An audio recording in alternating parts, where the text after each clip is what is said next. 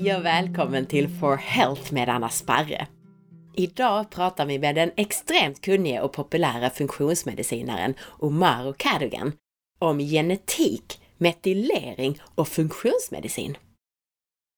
Du som tycker att det här ämnet är intressant kan gå en utbildning i genetik och DNA-tester i Stockholm med Omar Cadogan den 26 till 28 januari. Du får under kursen spännande kunskap om genetik, epigenetik och nutrigenomik, samspelet mellan kost och gener. Du får lära dig att använda genetiska tester i praktiken, förstå vilka tester som är relevanta och du lär dig tolka genetiska tester. Utbildningen riktar sig till dig med medicinsk eller näringsterapeutisk bakgrund. För att läsa mer och anmäla dig klicka på länken i avsnittsinformationen till det här podcastavsnittet. Eller gå till alfaplus.se utbildningar eller skicka ett mejl till info alfaplus.se. I den här versionen av intervjun så finns det svenska sammanfattningar. Vill du hellre lyssna på den helengelska intervjun utan översättningar så lyssna på avsnitt 173b. Om du gillar den här intervjun så blir jag jätteglad om du vill dela med dig av den på Facebook, Instagram eller till en vän. Och gå in och lämna en recension i iTunes. Det gör det lättare för mig att få hit intressanta intervjupersoner. Stort tack på förhand! Om du är nyfiken efter avsnittet så hittar du mer information på forhealth.se och så kan du boka mig som föreläsare till exempel till ett event eller till företaget där du jobbar.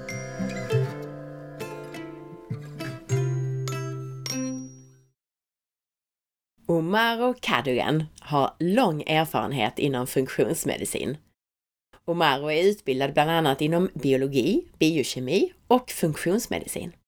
Han har specialiserat sig inom bland annat funktionsmedicin, genetik och prestation och han har skrivit ett flertal hälsoböcker och kokböcker. Innan vi kör igång så vill jag tipsa om att vi tidigare har gjort flera avsnitt på temat genetik som jag rekommenderar dig att lyssna på. Grunderna kring genetik och alla begrepp som används lär du dig om i avsnitt 102. Vi pratar om genetiska tester i avsnitt 104 och i avsnitt 149 pratar vi kost och genetik med läkaren och funktionsmedicinaren Cecilia Fürst. I dagens avsnitt ska vi istället gräva lite djupare i spännande ämnen som till exempel metylering. I'm gonna move from eating healthy and getting well, getting healthy by food into genetics. Yeah. Because you are coming to Sweden to host an education in January, so we need to yeah. prepare for that, prepare the listeners. Yeah. Yes. Speaking about DNA testing, first of all, who should do a DNA test and why?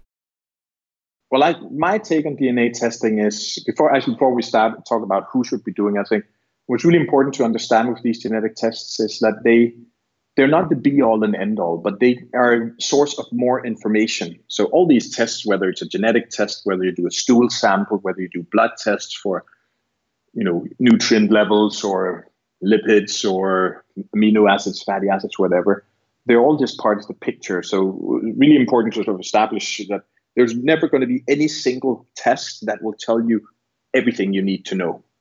You know, like that's look at that test and you know the answer to everything. Of course, the exception would be like emergency medicine. If you test positive for malaria, the only thing you should focus on is to get something that will kill the malaria at the moment. But otherwise, so genetic testing can add another piece or another you know bit of information to the picture and I really think genetic testing should be done through practitioners who know what they're dealing with, because otherwise, you get, if you go straight to end consumer, of course, if the end consumer is highly educated and know a lot, and these days there are quite a lot of people who are, you know, their own health expert, they know way more than anyone else.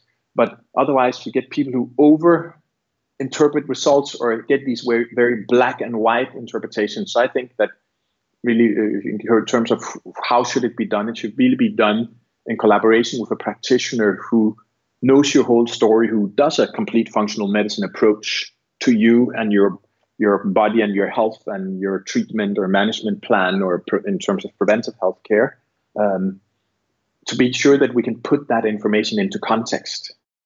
You know so so and so i think that's really important. And then who should do genetic testing if you look at where can it be useful well i mean in theory it can be useful everywhere because there are all these things that are where it's emerging okay we have health problems where less fortunate genes um, might actually play a role um, so you know, again, you can't say that genes are the proximal cause, but like for me, it's not that my genetics were the only reason that I developed all these problems. You know, but I know genetically I'm predisposed for autoimmunity um, or for an aggressive immune response. I need way more vitamin D than normal for things to work. I know in terms of how I handle my breakdown of stress hormones and my circadian rhythm that my my sleep circuitry or my sleep cycle is not as robust um, so, so, so you can get that information, but you still need to act on it. So, also another sort of basic thing to keep in mind or understand is genes load the gun, but environment pulls the trigger. Mm. So, genes can set you up for certain things, or they can make you extraordinarily strong and resilient in certain areas.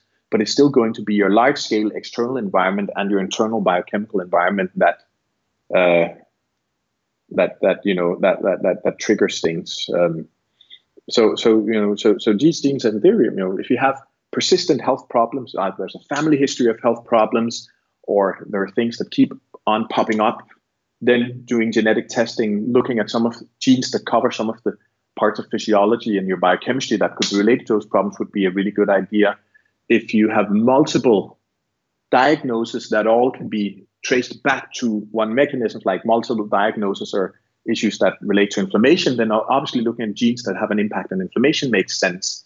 Or if you have, you know, this strange mix of health problems that could be related to methylation, then testing whether genetically you might be predisposed for poorly regulated methylation makes a lot of sense.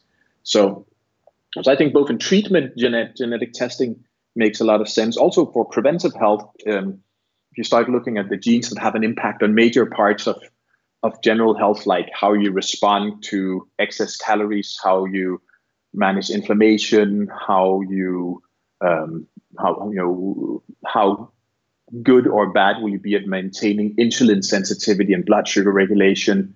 Um, that all those things are they can be relevant to do also in a preventive um, healthcare setting because you can get information that enables you to pick between must do, nice to do, and don't waste your time. So you know, most people can probably come up with 70 things they ought to be doing for better health.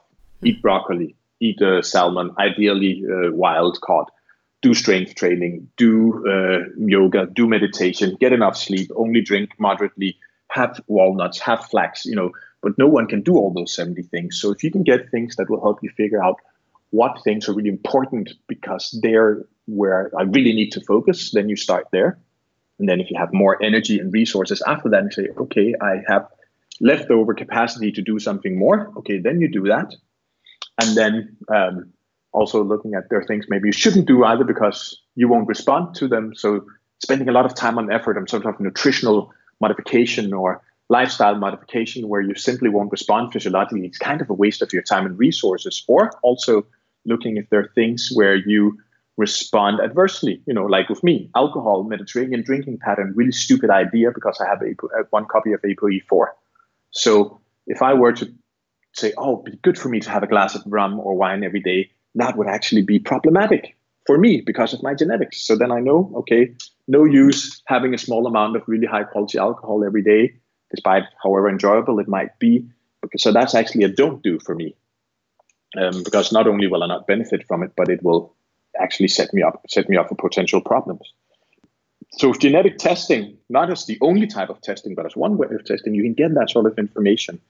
And that means for people who have the basics in place, so they sort of have sleep covered, they exercise, they eat healthy like the tea plate, they don't smoke, they don't drink too much, then that extra level of information becomes relevant. But obviously, if you have someone who doesn't have a clue about health or who's never really been in a situation or in a setting or environment where health was important or where anyone else did anything healthy, then genetic testing, all this sort of other testing might just be way over their head because they're just struggling with stopping smoking or struggling with getting their head around eating vegetables instead of donuts. Um, you know, in that case, saying, well, you know, it'd be better if you have more cruciferous vegetables, and you really should look out even for whole grains because your blood sugar regulation is not that good. It's kind of irrelevant information because it's way above what they're trying to do at, the, at, the, at that moment. Vem ska testa sin genetik? Omaro börjar med att säga att ett enda hälsotest aldrig kommer att säga allt. Men DNA-tester kan ge dig ytterligare en bit av pusslet. Han tycker att man ska göra ett DNA-test tillsammans med en terapeut eller läkare som har kunskap inom området. När det gäller genetik och DNA-tester är det också viktigt att komma ihåg att genes load the gun and the environment pulls the trigger. Alltså, generna laddar pistolen, men det är miljön och livsstilen som trycker in avtryckaren. Generna är alltså inte hela sanningen. Men har du till exempel sjukdom i familjen eller om du själv har många diagnoser som eventuellt kan spåras tillbaka till hur vissa funktioner fungerar i kroppen, så kan ett DNA-test ge dig en pusselbit till att hitta orsakerna. Även för dig som vill förebygga sjukdom så kan det vara bra att veta till exempel hur du svarar på inflammation eller på blodsocker och insulin. Det kan hjälpa dig att prioritera vad som är viktigast att göra för just din hälsa. Han föreslår att man inte gör det här som sitt enda hälsotest och att man först har det grundläggande på plats, som bra sömnvanor, fysisk aktivitet och hälsosam mat. One area within genetics that you mentioned was methylation. And yeah. I'm pretty sure all of my listeners have heard the word methylation by now because it's been so yeah. popular the past years. But far fewer actually know what methylation is. So could you explain that? Yep. Yeah. we will. Uh, we shall try to because it is. Method, you know, the best way to explain is methylation is a very, very simple biochemical process in the body um, related to what's called one carbon metabolism. So, literally, methylation is where you take a methyl group and move it from one molecule to another. And a methyl group is just simple organic molecules, one carbon, three hydrogens. So it has one free bond. If you're into chemistry and understand that, uh, but but think of you know so it's a super simple molecule, but a better way to understand this that methylation is a mechanism or biochemical reaction used to control a damn lot of your biology and biochemistry. So if you have a problem with methylation, potentially you have a problem with everything because you use methylation to turn genes on and off. So in turn, in, know, in order to actually switch our genes on and off, we need to you know, methylate them use methylation to repair genetic damage. So if damage happens to your genes, so someone knows now causing damage to the large instruction manual for uh, running and building and repairing the human body, then you can use methylation to repair that damage. Or if the damage is so extensive that you cannot um, fix it, then methylation can be used to completely silence genes so you won't have to listen to them, right? So this, if you have a problem with methylation, potentially have massive problems with gene repair and gene regulation. That, of course, becomes very ex- expansive in terms of what sort of trouble that can cause. Then you also use genetics in regulating, um, what do you call it? Um, you know, um, your neurobiochemistry. So you use genes to produce a lot of uh, methylation uh, goes into the production of a lot of neurotransmitters, but also to the breakdown. So if you have a problem with methylation, potentially you have this problem of regulating your bio, neurobiochemistry at the pace you need to. So you can have overproduction of messengers or underproduction, or that they persist. You can't break them down long after they've done their job. You use methylation to break down sex steroid hormones um, and estrogen-like xeno, uh, no, so estrogen-like, estrogen-like environmental toxins. So if you have a problem with methylation, you could have all sorts of uh, estrogen-related dysfunction and problems or environmental toxicity. Use methylation for quite a lot of other biotransformative reactions. So you not only use methylation to break down or metabolize excess estrogen or estrogen-like uh, environmental toxins, but also a lot of other things, both from your own biology and from externally, right? Then you use methylation for making creatine. So in terms of energy production at that very central level, if you have a problem with methylation, potentially your energy production is not impaired or not uh, optimal. You use methylation in the production of um, all sorts of structural tissue. So collagen, whether that's in bones, whether it's in skin, ligaments, tendons, cartilage. Methylation is used to regulate that process. Methylation is used to regulate um, perfusion and nitric oxide production in your cardiovascular system. Right. So, you know, so if you have a problem with methylation, it becomes quite expansive because it can turn up as hormonal issues, it can turn up as a problem with gene regulation or gene damage, problems with your connective tissue, problems with energy production, cardiovascular problems, problems with controlling your bio, neurobiochemistry. So that's you know pretty much everything. Um, and so, so, so if you have with methylation, you can have problems popping up in all of those areas, and then you can try to treat those individually. But if you then get hold of the methylation and you manage to get that back on track, all of a sudden you address all those problems. Right, and I forgot one thing. You also use methylation when you actually build omega-3 fatty acids into cell membranes. So if you take a lot of get a lot of EPA and DHA, but your methylation is poor, then you won't have as much of that EPA and DHA benefiting you by actually being moved into a cell membrane where some of it needs to be. So this kind of really, really crucial. Uh, yeah, and then yeah, final thing, expansive topic. Also, methylation is part of the process used to to get rid of homocysteine. So if methylation is not running as it should, or if there's a problem with that, then you can get accumulations of homocysteine, which at some point becomes dangerous in itself. Right. So yeah, so problem with methylation potentially a problem with everything. Metylering är en enkel biokemisk reaktion i kroppen där du tar en metylgrupp och flyttar från en molekyl till en annan i kroppen.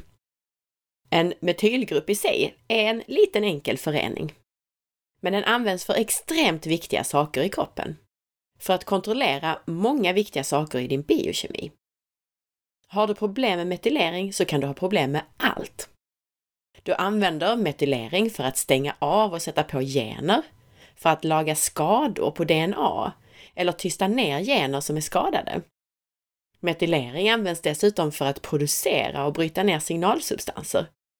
Har du problem med metylering kan du alltså ha problem med över eller underproduktion av signalsubstanser och med nedbrytningen av dem. Metylering används för att bryta ner könshormoner och östrogenliknande toxiner. Så hormonella problem kan bero på metylering. Metylering används också för andra reaktioner i din biotransformation, alltså för att ta hand om oönskade ämnen. Metylering används i din energiproduktion för att bilda kreatin och för att bygga in omega-3-fettsyror i dina cellmembran. Metylering behövs för att bilda vävnad som kollagen. Det används för att bilda kväveoxid i dina blodkärl och det är en del i processen för att göra sig av med homocystein. Det påverkar alltså allt. What genes are the most important ones to test related to your methylation? Methylation. There's uh, MTHFR, methylene tetrahydrofolate re- reductase. So that's one of the genes that enables you to make methylfolate, so the methylated form of folate, which is one of the ways to get these methyl groups moving into the human body. So that's really important.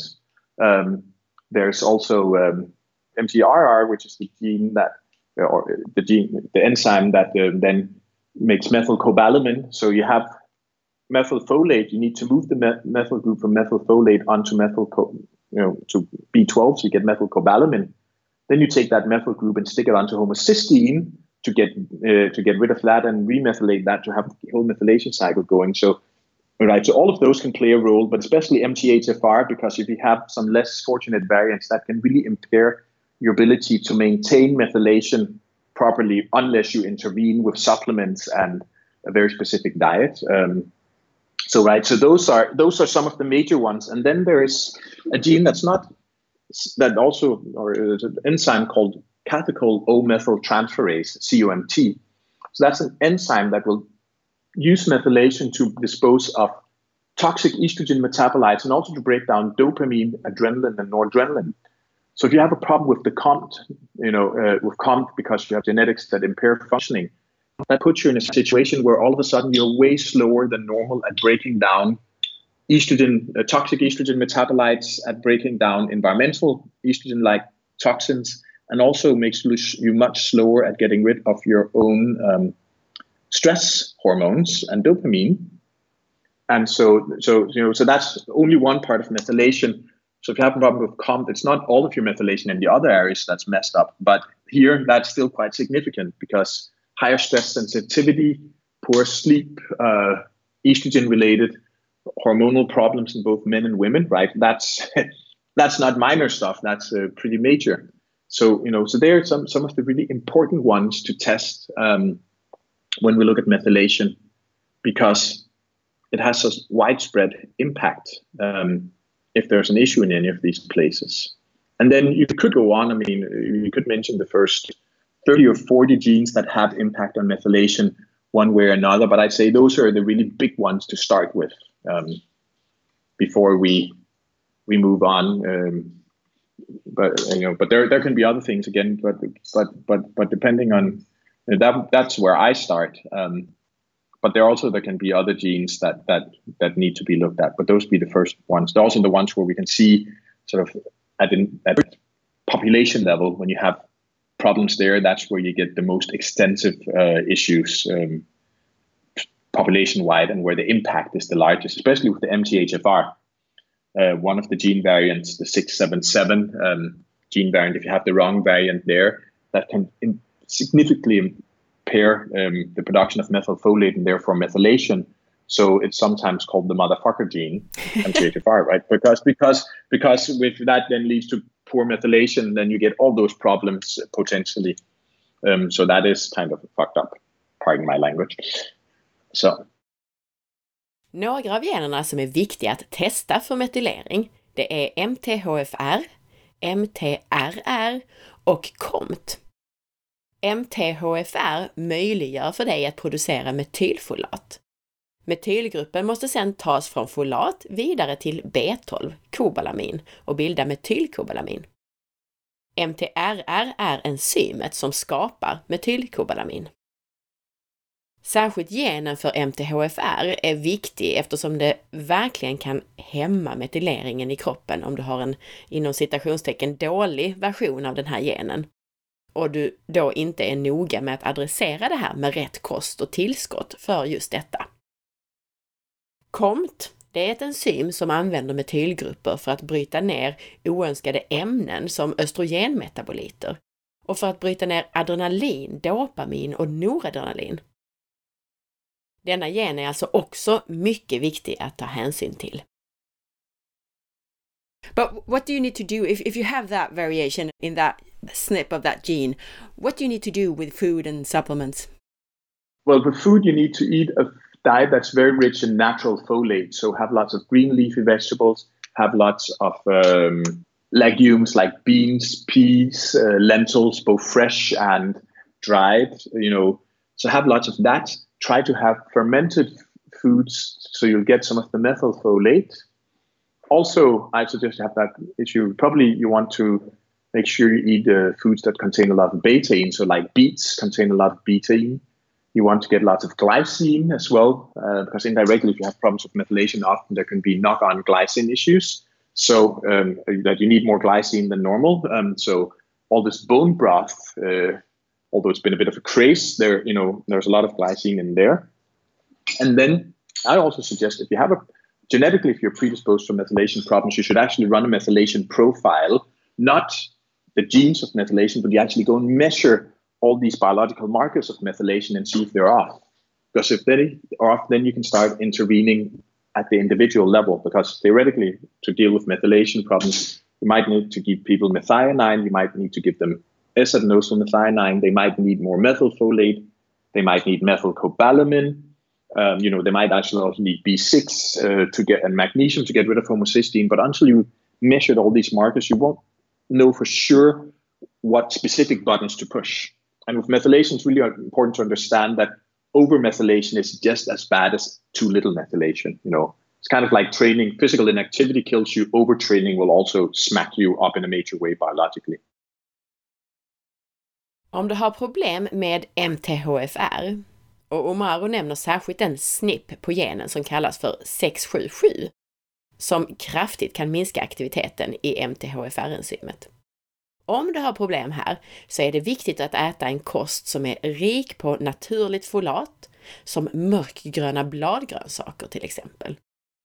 Ät fermenterad mat som innehåller metylfolat. Det är också bra att äta mat som innehåller betain, som till exempel betor, och glycin, som till exempel benbuljong. Har du rent genetiskt problem med metyleringen så är det också bra att göra ett test i form av en metyleringsprofil där man inte bara tittar på genetiken utan man mäter nivåer av olika markörer för din metylering, hur den fungerar här och nu. Då får du reda på mer specifikt vad du behöver ta som tillskott för att få ordning på metyleringen. För du kan behöva saker som metionin, metylkobalamin, SAM, metylfolat, vitamin B6 och magnesium. You also mentioned the COMT, the COMT. Yeah. I would say that most clients that I work with that suffer from chronic stress and fatigue, they have variations in that gene. Yeah, they, and, yeah, because you're you're especially if you're homozygote, so if you have two bad copies, so to speak, then you might only clear your own adrenaline and noradrenaline and dopamine as well at 25 or 20% the normal rate. So that means when you then pr- produce stress, some of these, you know, sort of stimulating hormones uh, and neurotransmitters, they just stay for so much longer. You can't get rid of them. So the signal perseveres long after it should, and it becomes much stronger than it should. And I guess that's one of your gene setups, right? Because you mentioned Yeah, that yeah. calming Yeah, I'm, I'm a, evening. I'm a homozygote, and so that's why coffee is not good for me because I actually break down caffeine fast, but the stress hormones that the release of stress hormones triggered by the caffeine just continues forever with me. Um, and that's the same thing since I have, you know, my stress hormones persist for longer.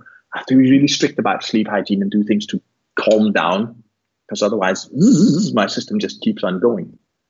Um, so yeah, so, so I agree. That's also what I see. A lot of people who are very, who are, who are kind of uh, sensitive. A lot, of, you know, a lot of the clients I have who are HSP, like high, highly sensitive people. Not to say it's not, you know, diagnosis is the, wrong word to use, but you know, that's like a label or, um, we, we you know, say that as a, it's a personality type. And there's nothing wrong with it. It's just you're super sensitive to many things. All of the ones that I've tested genetically, they were all homozygotes.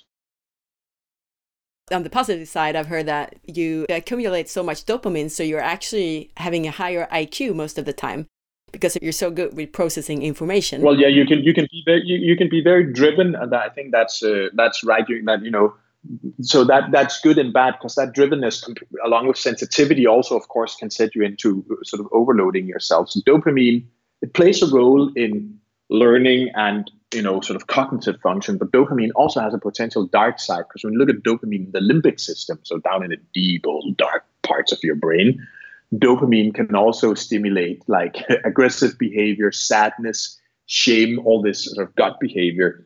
So high levels of dopamine can also, in some instances, actually be detrimental, not in your frontal lobe, but in the old part of the brain. That's why if you look at antipsychotics, a lot of them are dopamine antagonists. So they block dopamine receptors or the function of dopamine, and so they might have some impact on psychosis, schizophrenia. You know, if you can use those labels and with, with what we know about psychiatry, uh, uh, but you know, but then they also cause people to become apathic because they say, yeah, some of the negative symptoms I had are now dulled, but at the same time, it's kind of like you know, I'm just sitting there drooling.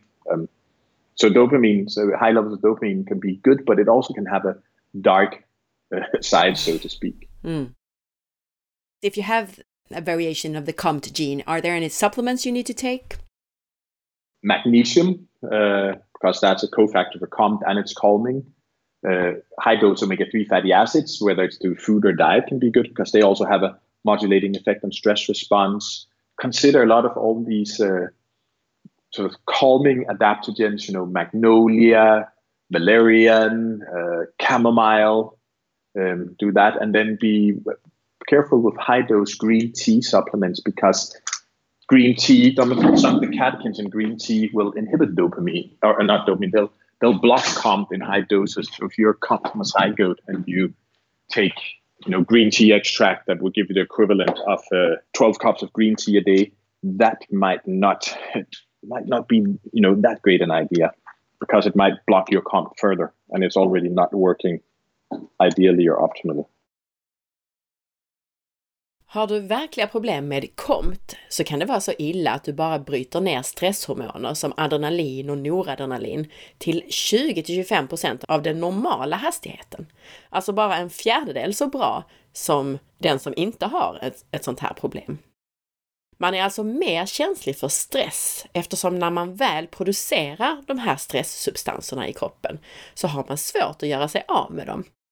Man kan säga att när man kommer upp i varv så är det svårt att varva ner. Omaro har själv det här problemet med KOMT och det är därför han inte dricker kaffe, trots att han egentligen inte har problem med att bryta ner koffein. Men koffein triggar ju stresshormoner, vilket han i sin tur har svårt att bryta ner. Det är också viktigt att vara strikt med sin sömnhygien och varva ner i tid på kvällarna. Personer med KOMT-varianter är dock ofta väldigt drivna och har inte sällan ett högt IQ. Och det här har att göra med ansamlingen av dopamin. Men det blir lätt att det här tippar över och skapar problem istället. Tillskott som kan vara viktiga, det är magnesium som är en kofaktor för KOMT, omega-3 eftersom det också har en reglerande effekt på stressresponsen. Lugnande örter och adaptogener som magnolia och kamomill. Undvik däremot tillskott av grönt te som faktiskt kan blockera KOMT och göra det ännu värre alltså. I think one thing that is very confusing for a lot of health practitioners and patients that have done tests is how to do with methyl donors if you have like a slow COMT. So, what is your take on yeah. using methylfolate or methylcobalamin or SAMe if your COMT is not working properly? If you have slow COMT, you have to be a bit careful because methylation also goes into the production of neurotransmitters. So, if you take SAMe, that might actually push your production of dopamine um, so you might need that in some areas, but then at the same time you can't break it down. Then it becomes overstimulating. So if you have if you have COMT issues, then you have to start up slow with the methyl donors to make sure you're not getting overstimulation uh, in terms of excess dopamine and adrenaline. So that that I think is really important. But I think that's in general with what I'm beginning to learn with methylation is that even when we can see there's a problem, um, then you start slowly because you can quickly move from under to over methylation or get the situation where you're under methylated in some areas but then over methylated in others which is you know is no good either. It's kind of like okay you went from physical inactivity to doing lower body training like crazy so your upper body is still weak and fragile and your lower body is now completely overtrained so you have tendonitis from toe to hip you know that's not a good situation either but should you still take methyl donors even if you have this COMT issue? Just just increase it slowly, or should you just stay away well, from it? Well, the, no, it depends on the situation. If you have problems, if you can see you have a methylation problem, if you do a full methylation panel where you measure SAMe and SAH and homocysteine and methionine, and you can see there's a methylation problem, yeah, then you should. And also remember, if you have if COMT is working slowly, right, it uses methyl groups. If you then on top of that have a methylation problem, that might be, you know, make problems worse. Like COMT takes methyl groups to break down these things. If you then lower methyl groups as well, that's double trouble. But because if COMT is slow and you push methylation donors really aggressively, you might increase dopamine and adrenaline, noradrenaline, then go slow. Mm because it's always it's always easier to increase the dosage a bit after a month or two rather than saying, "Oops, I went too far." I've yeah. seen people go, go go you know psychiatrical people with psychiatrical problems who thought or figured out they had a methylation issue and then went from under to over methylated and trust me neither of those situations were any good. Har man ofördelaktiga varianter av COMT så är man ofta känslig för metylgrupper som tillskott. Om man då samtidigt ändå behöver metylerade tillskott så måste man börja långsamt och försiktigt för att inte bli överstimulerad av överskott av dopamin och adrenalin. KOMT tar metylgrupper för att bryta ner ämnen. Så det är inte det att man inte behöver metylgrupper om man har problem med KOMT. Tvärtom.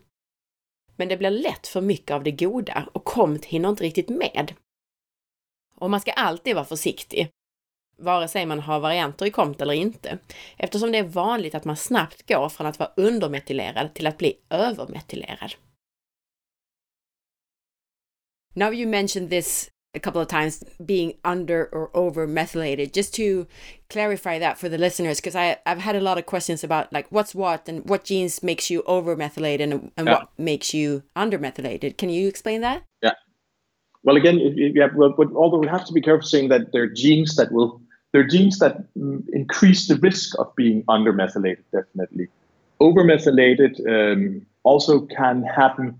Um, maybe not as many genes that predispose you for that, um, but can happen if you take too many methyl donors. Um, if you go on a super high protein diet and with lots of methionine, which helps push methylation um, because it's turned into SAMe.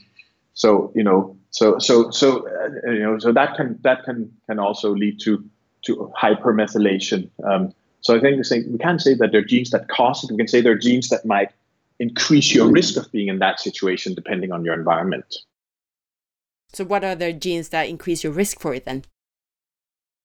Well, I mean, that'd be more like if, if all your genes that that um, that have an impact on methylation work at peak efficiency, right?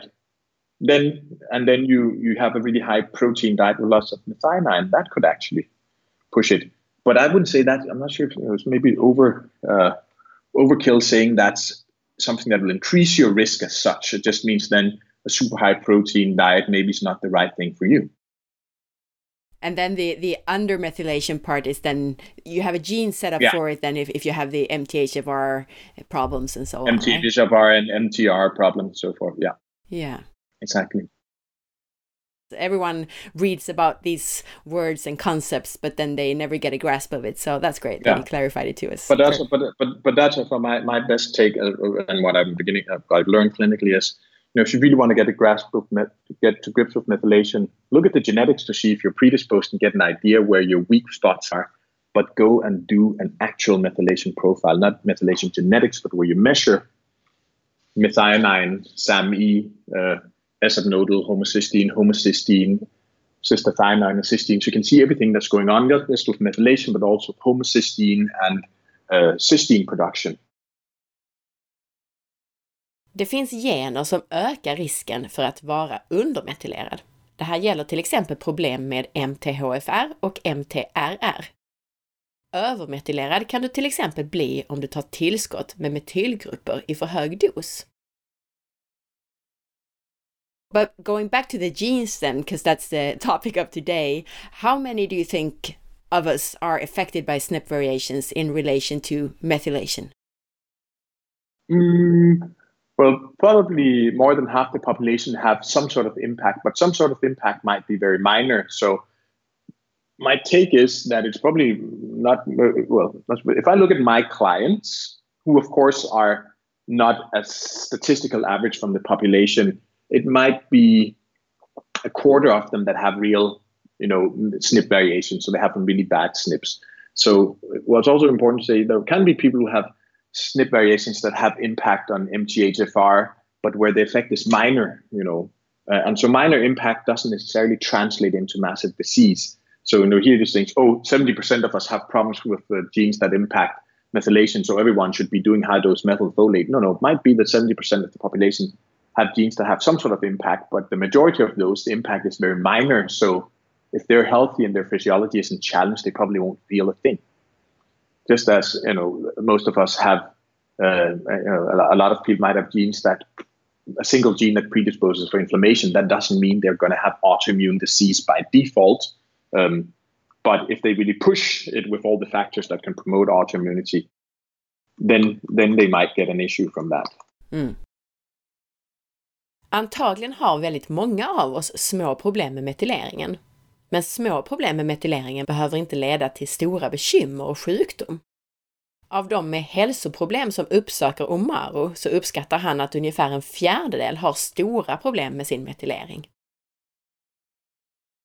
So I should highlight here that now we've dug deeper into one area of genetics and, and the functions of the body, so, such as methylation here then. Yeah but there are of course many other areas or functions that we don't have the time yeah. to dig deeper into today but that you will cover in the course exactly yeah so tell us a little bit about that you're coming to sweden in, in january to host this education and it's over yeah. a weekend together with alpha plus and nordic labs yeah exactly. well it's, it's three three days so it's friday uh, friday to sunday and what will you cover then and, and who should attend it well i i mean that well, well i'll actually go through all the parts of genetics that I think are relevant when you're looking at health management and preventive health. So we'll talk about the role of genes, what they are, what they can do, what they cannot do, how to test, who should test, why you should test, and then we'll start looking at genes that impact inflammation, methylation, oxidative stress, cardiovascular function, lipids, uh,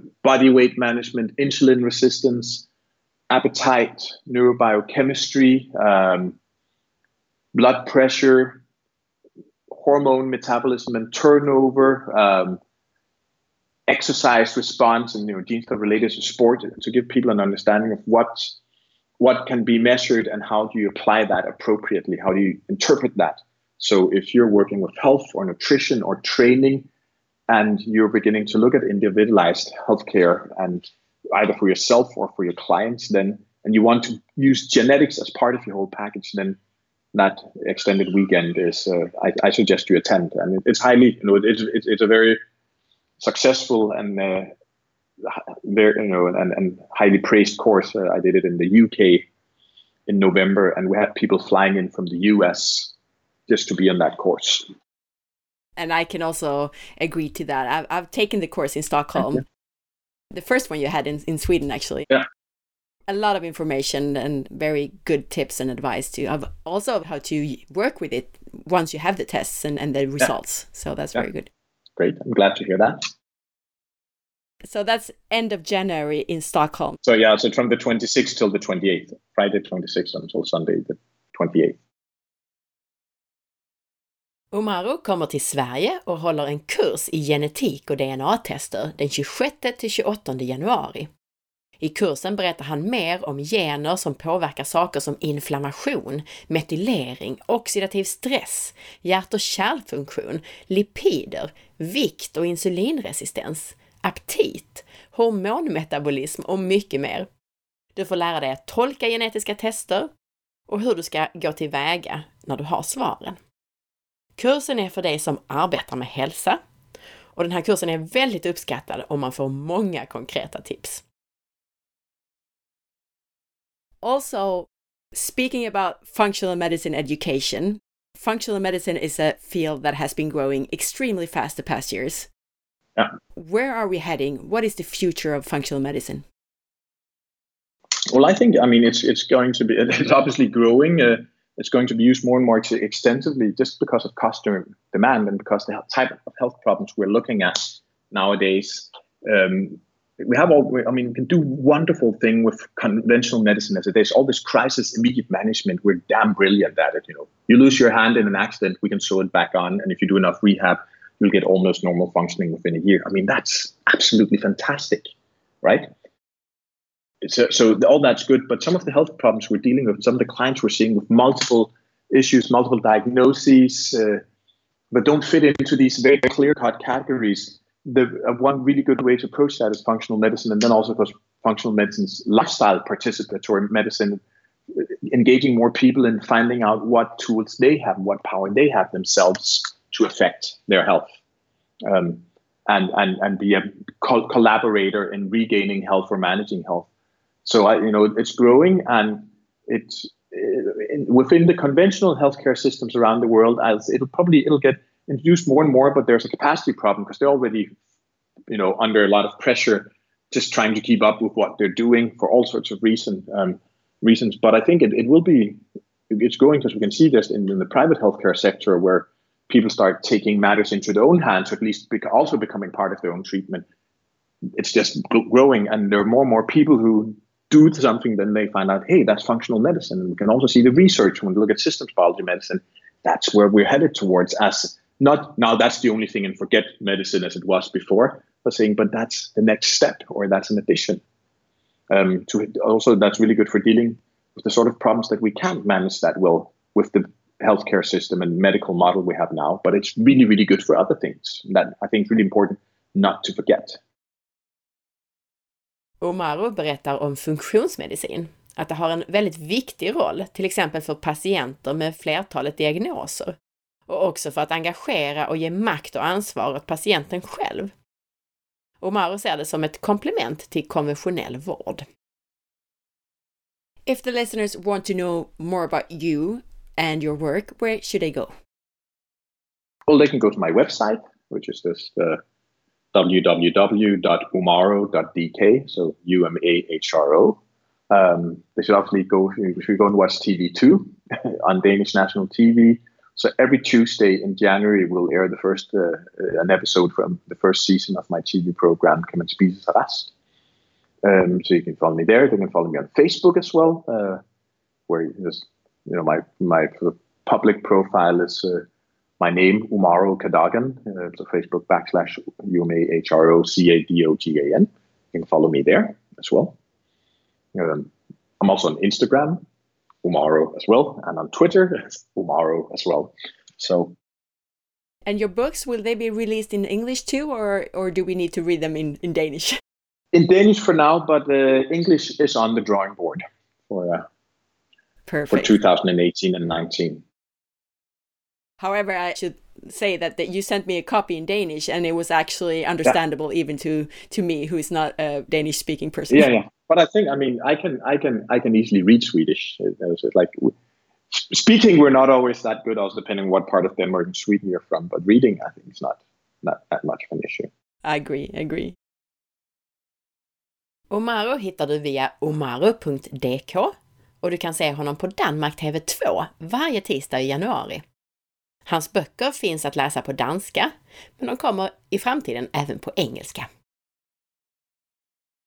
Any last words or anything you would like to summarize before we, we end today?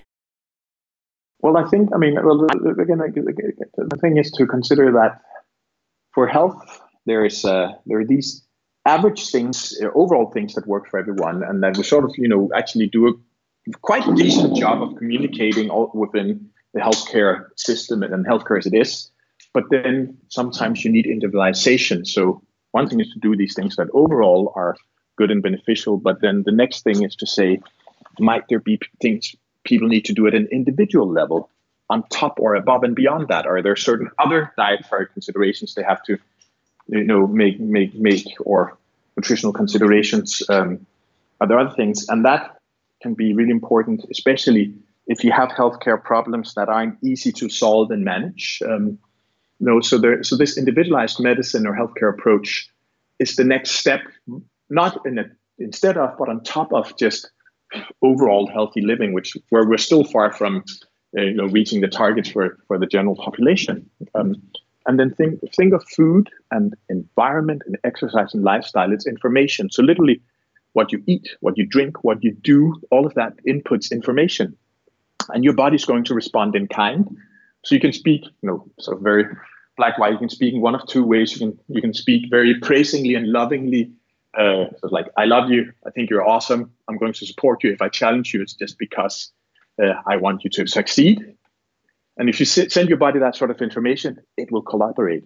If you, on the other hand, do the dietary or molecular or environmental equivalent of saying go fuck yourself again pardon the language but just to illustrate things then your body will respond in kind so if you speak to someone that way i'm quite certain they're not going to be quite in a good mood right they're going to be angry they're going to be sulking they're going to be contrary they're going to work against you not with you they're going to slap you spit on you that sort of thing so so, so you know also sort of simple way to understand things to say well the the part you can control yourself in terms of health is what sort of input you're giving your body and your physiology. And you can either say, I love you, I think you're awesome, or you can say something that an American TV program just one of the beep, beep, beep, beep, beep bust out, uh, along with uh, a certain finger extended right up in, the, in front of your nose.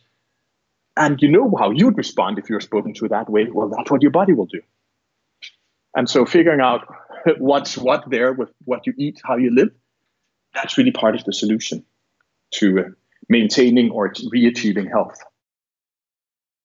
Det är viktigt att förstå att det finns övergripande saker som alla bör göra för sin hälsa. Men sen är det viktigt att titta på individnivå.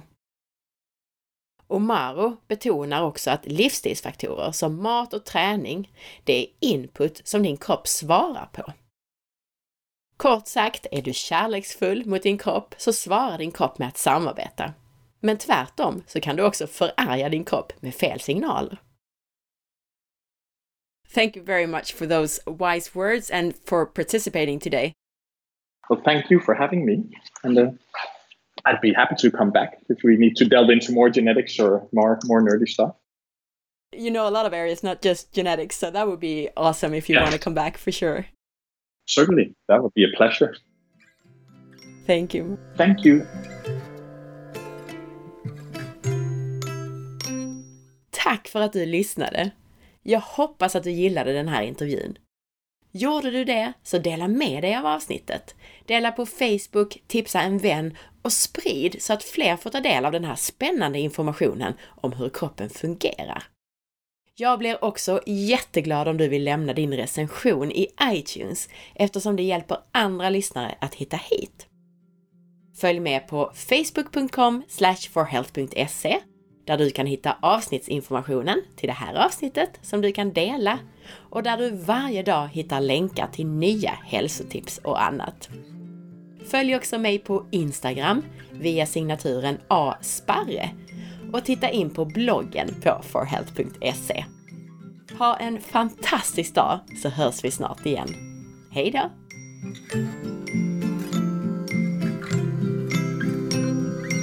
thank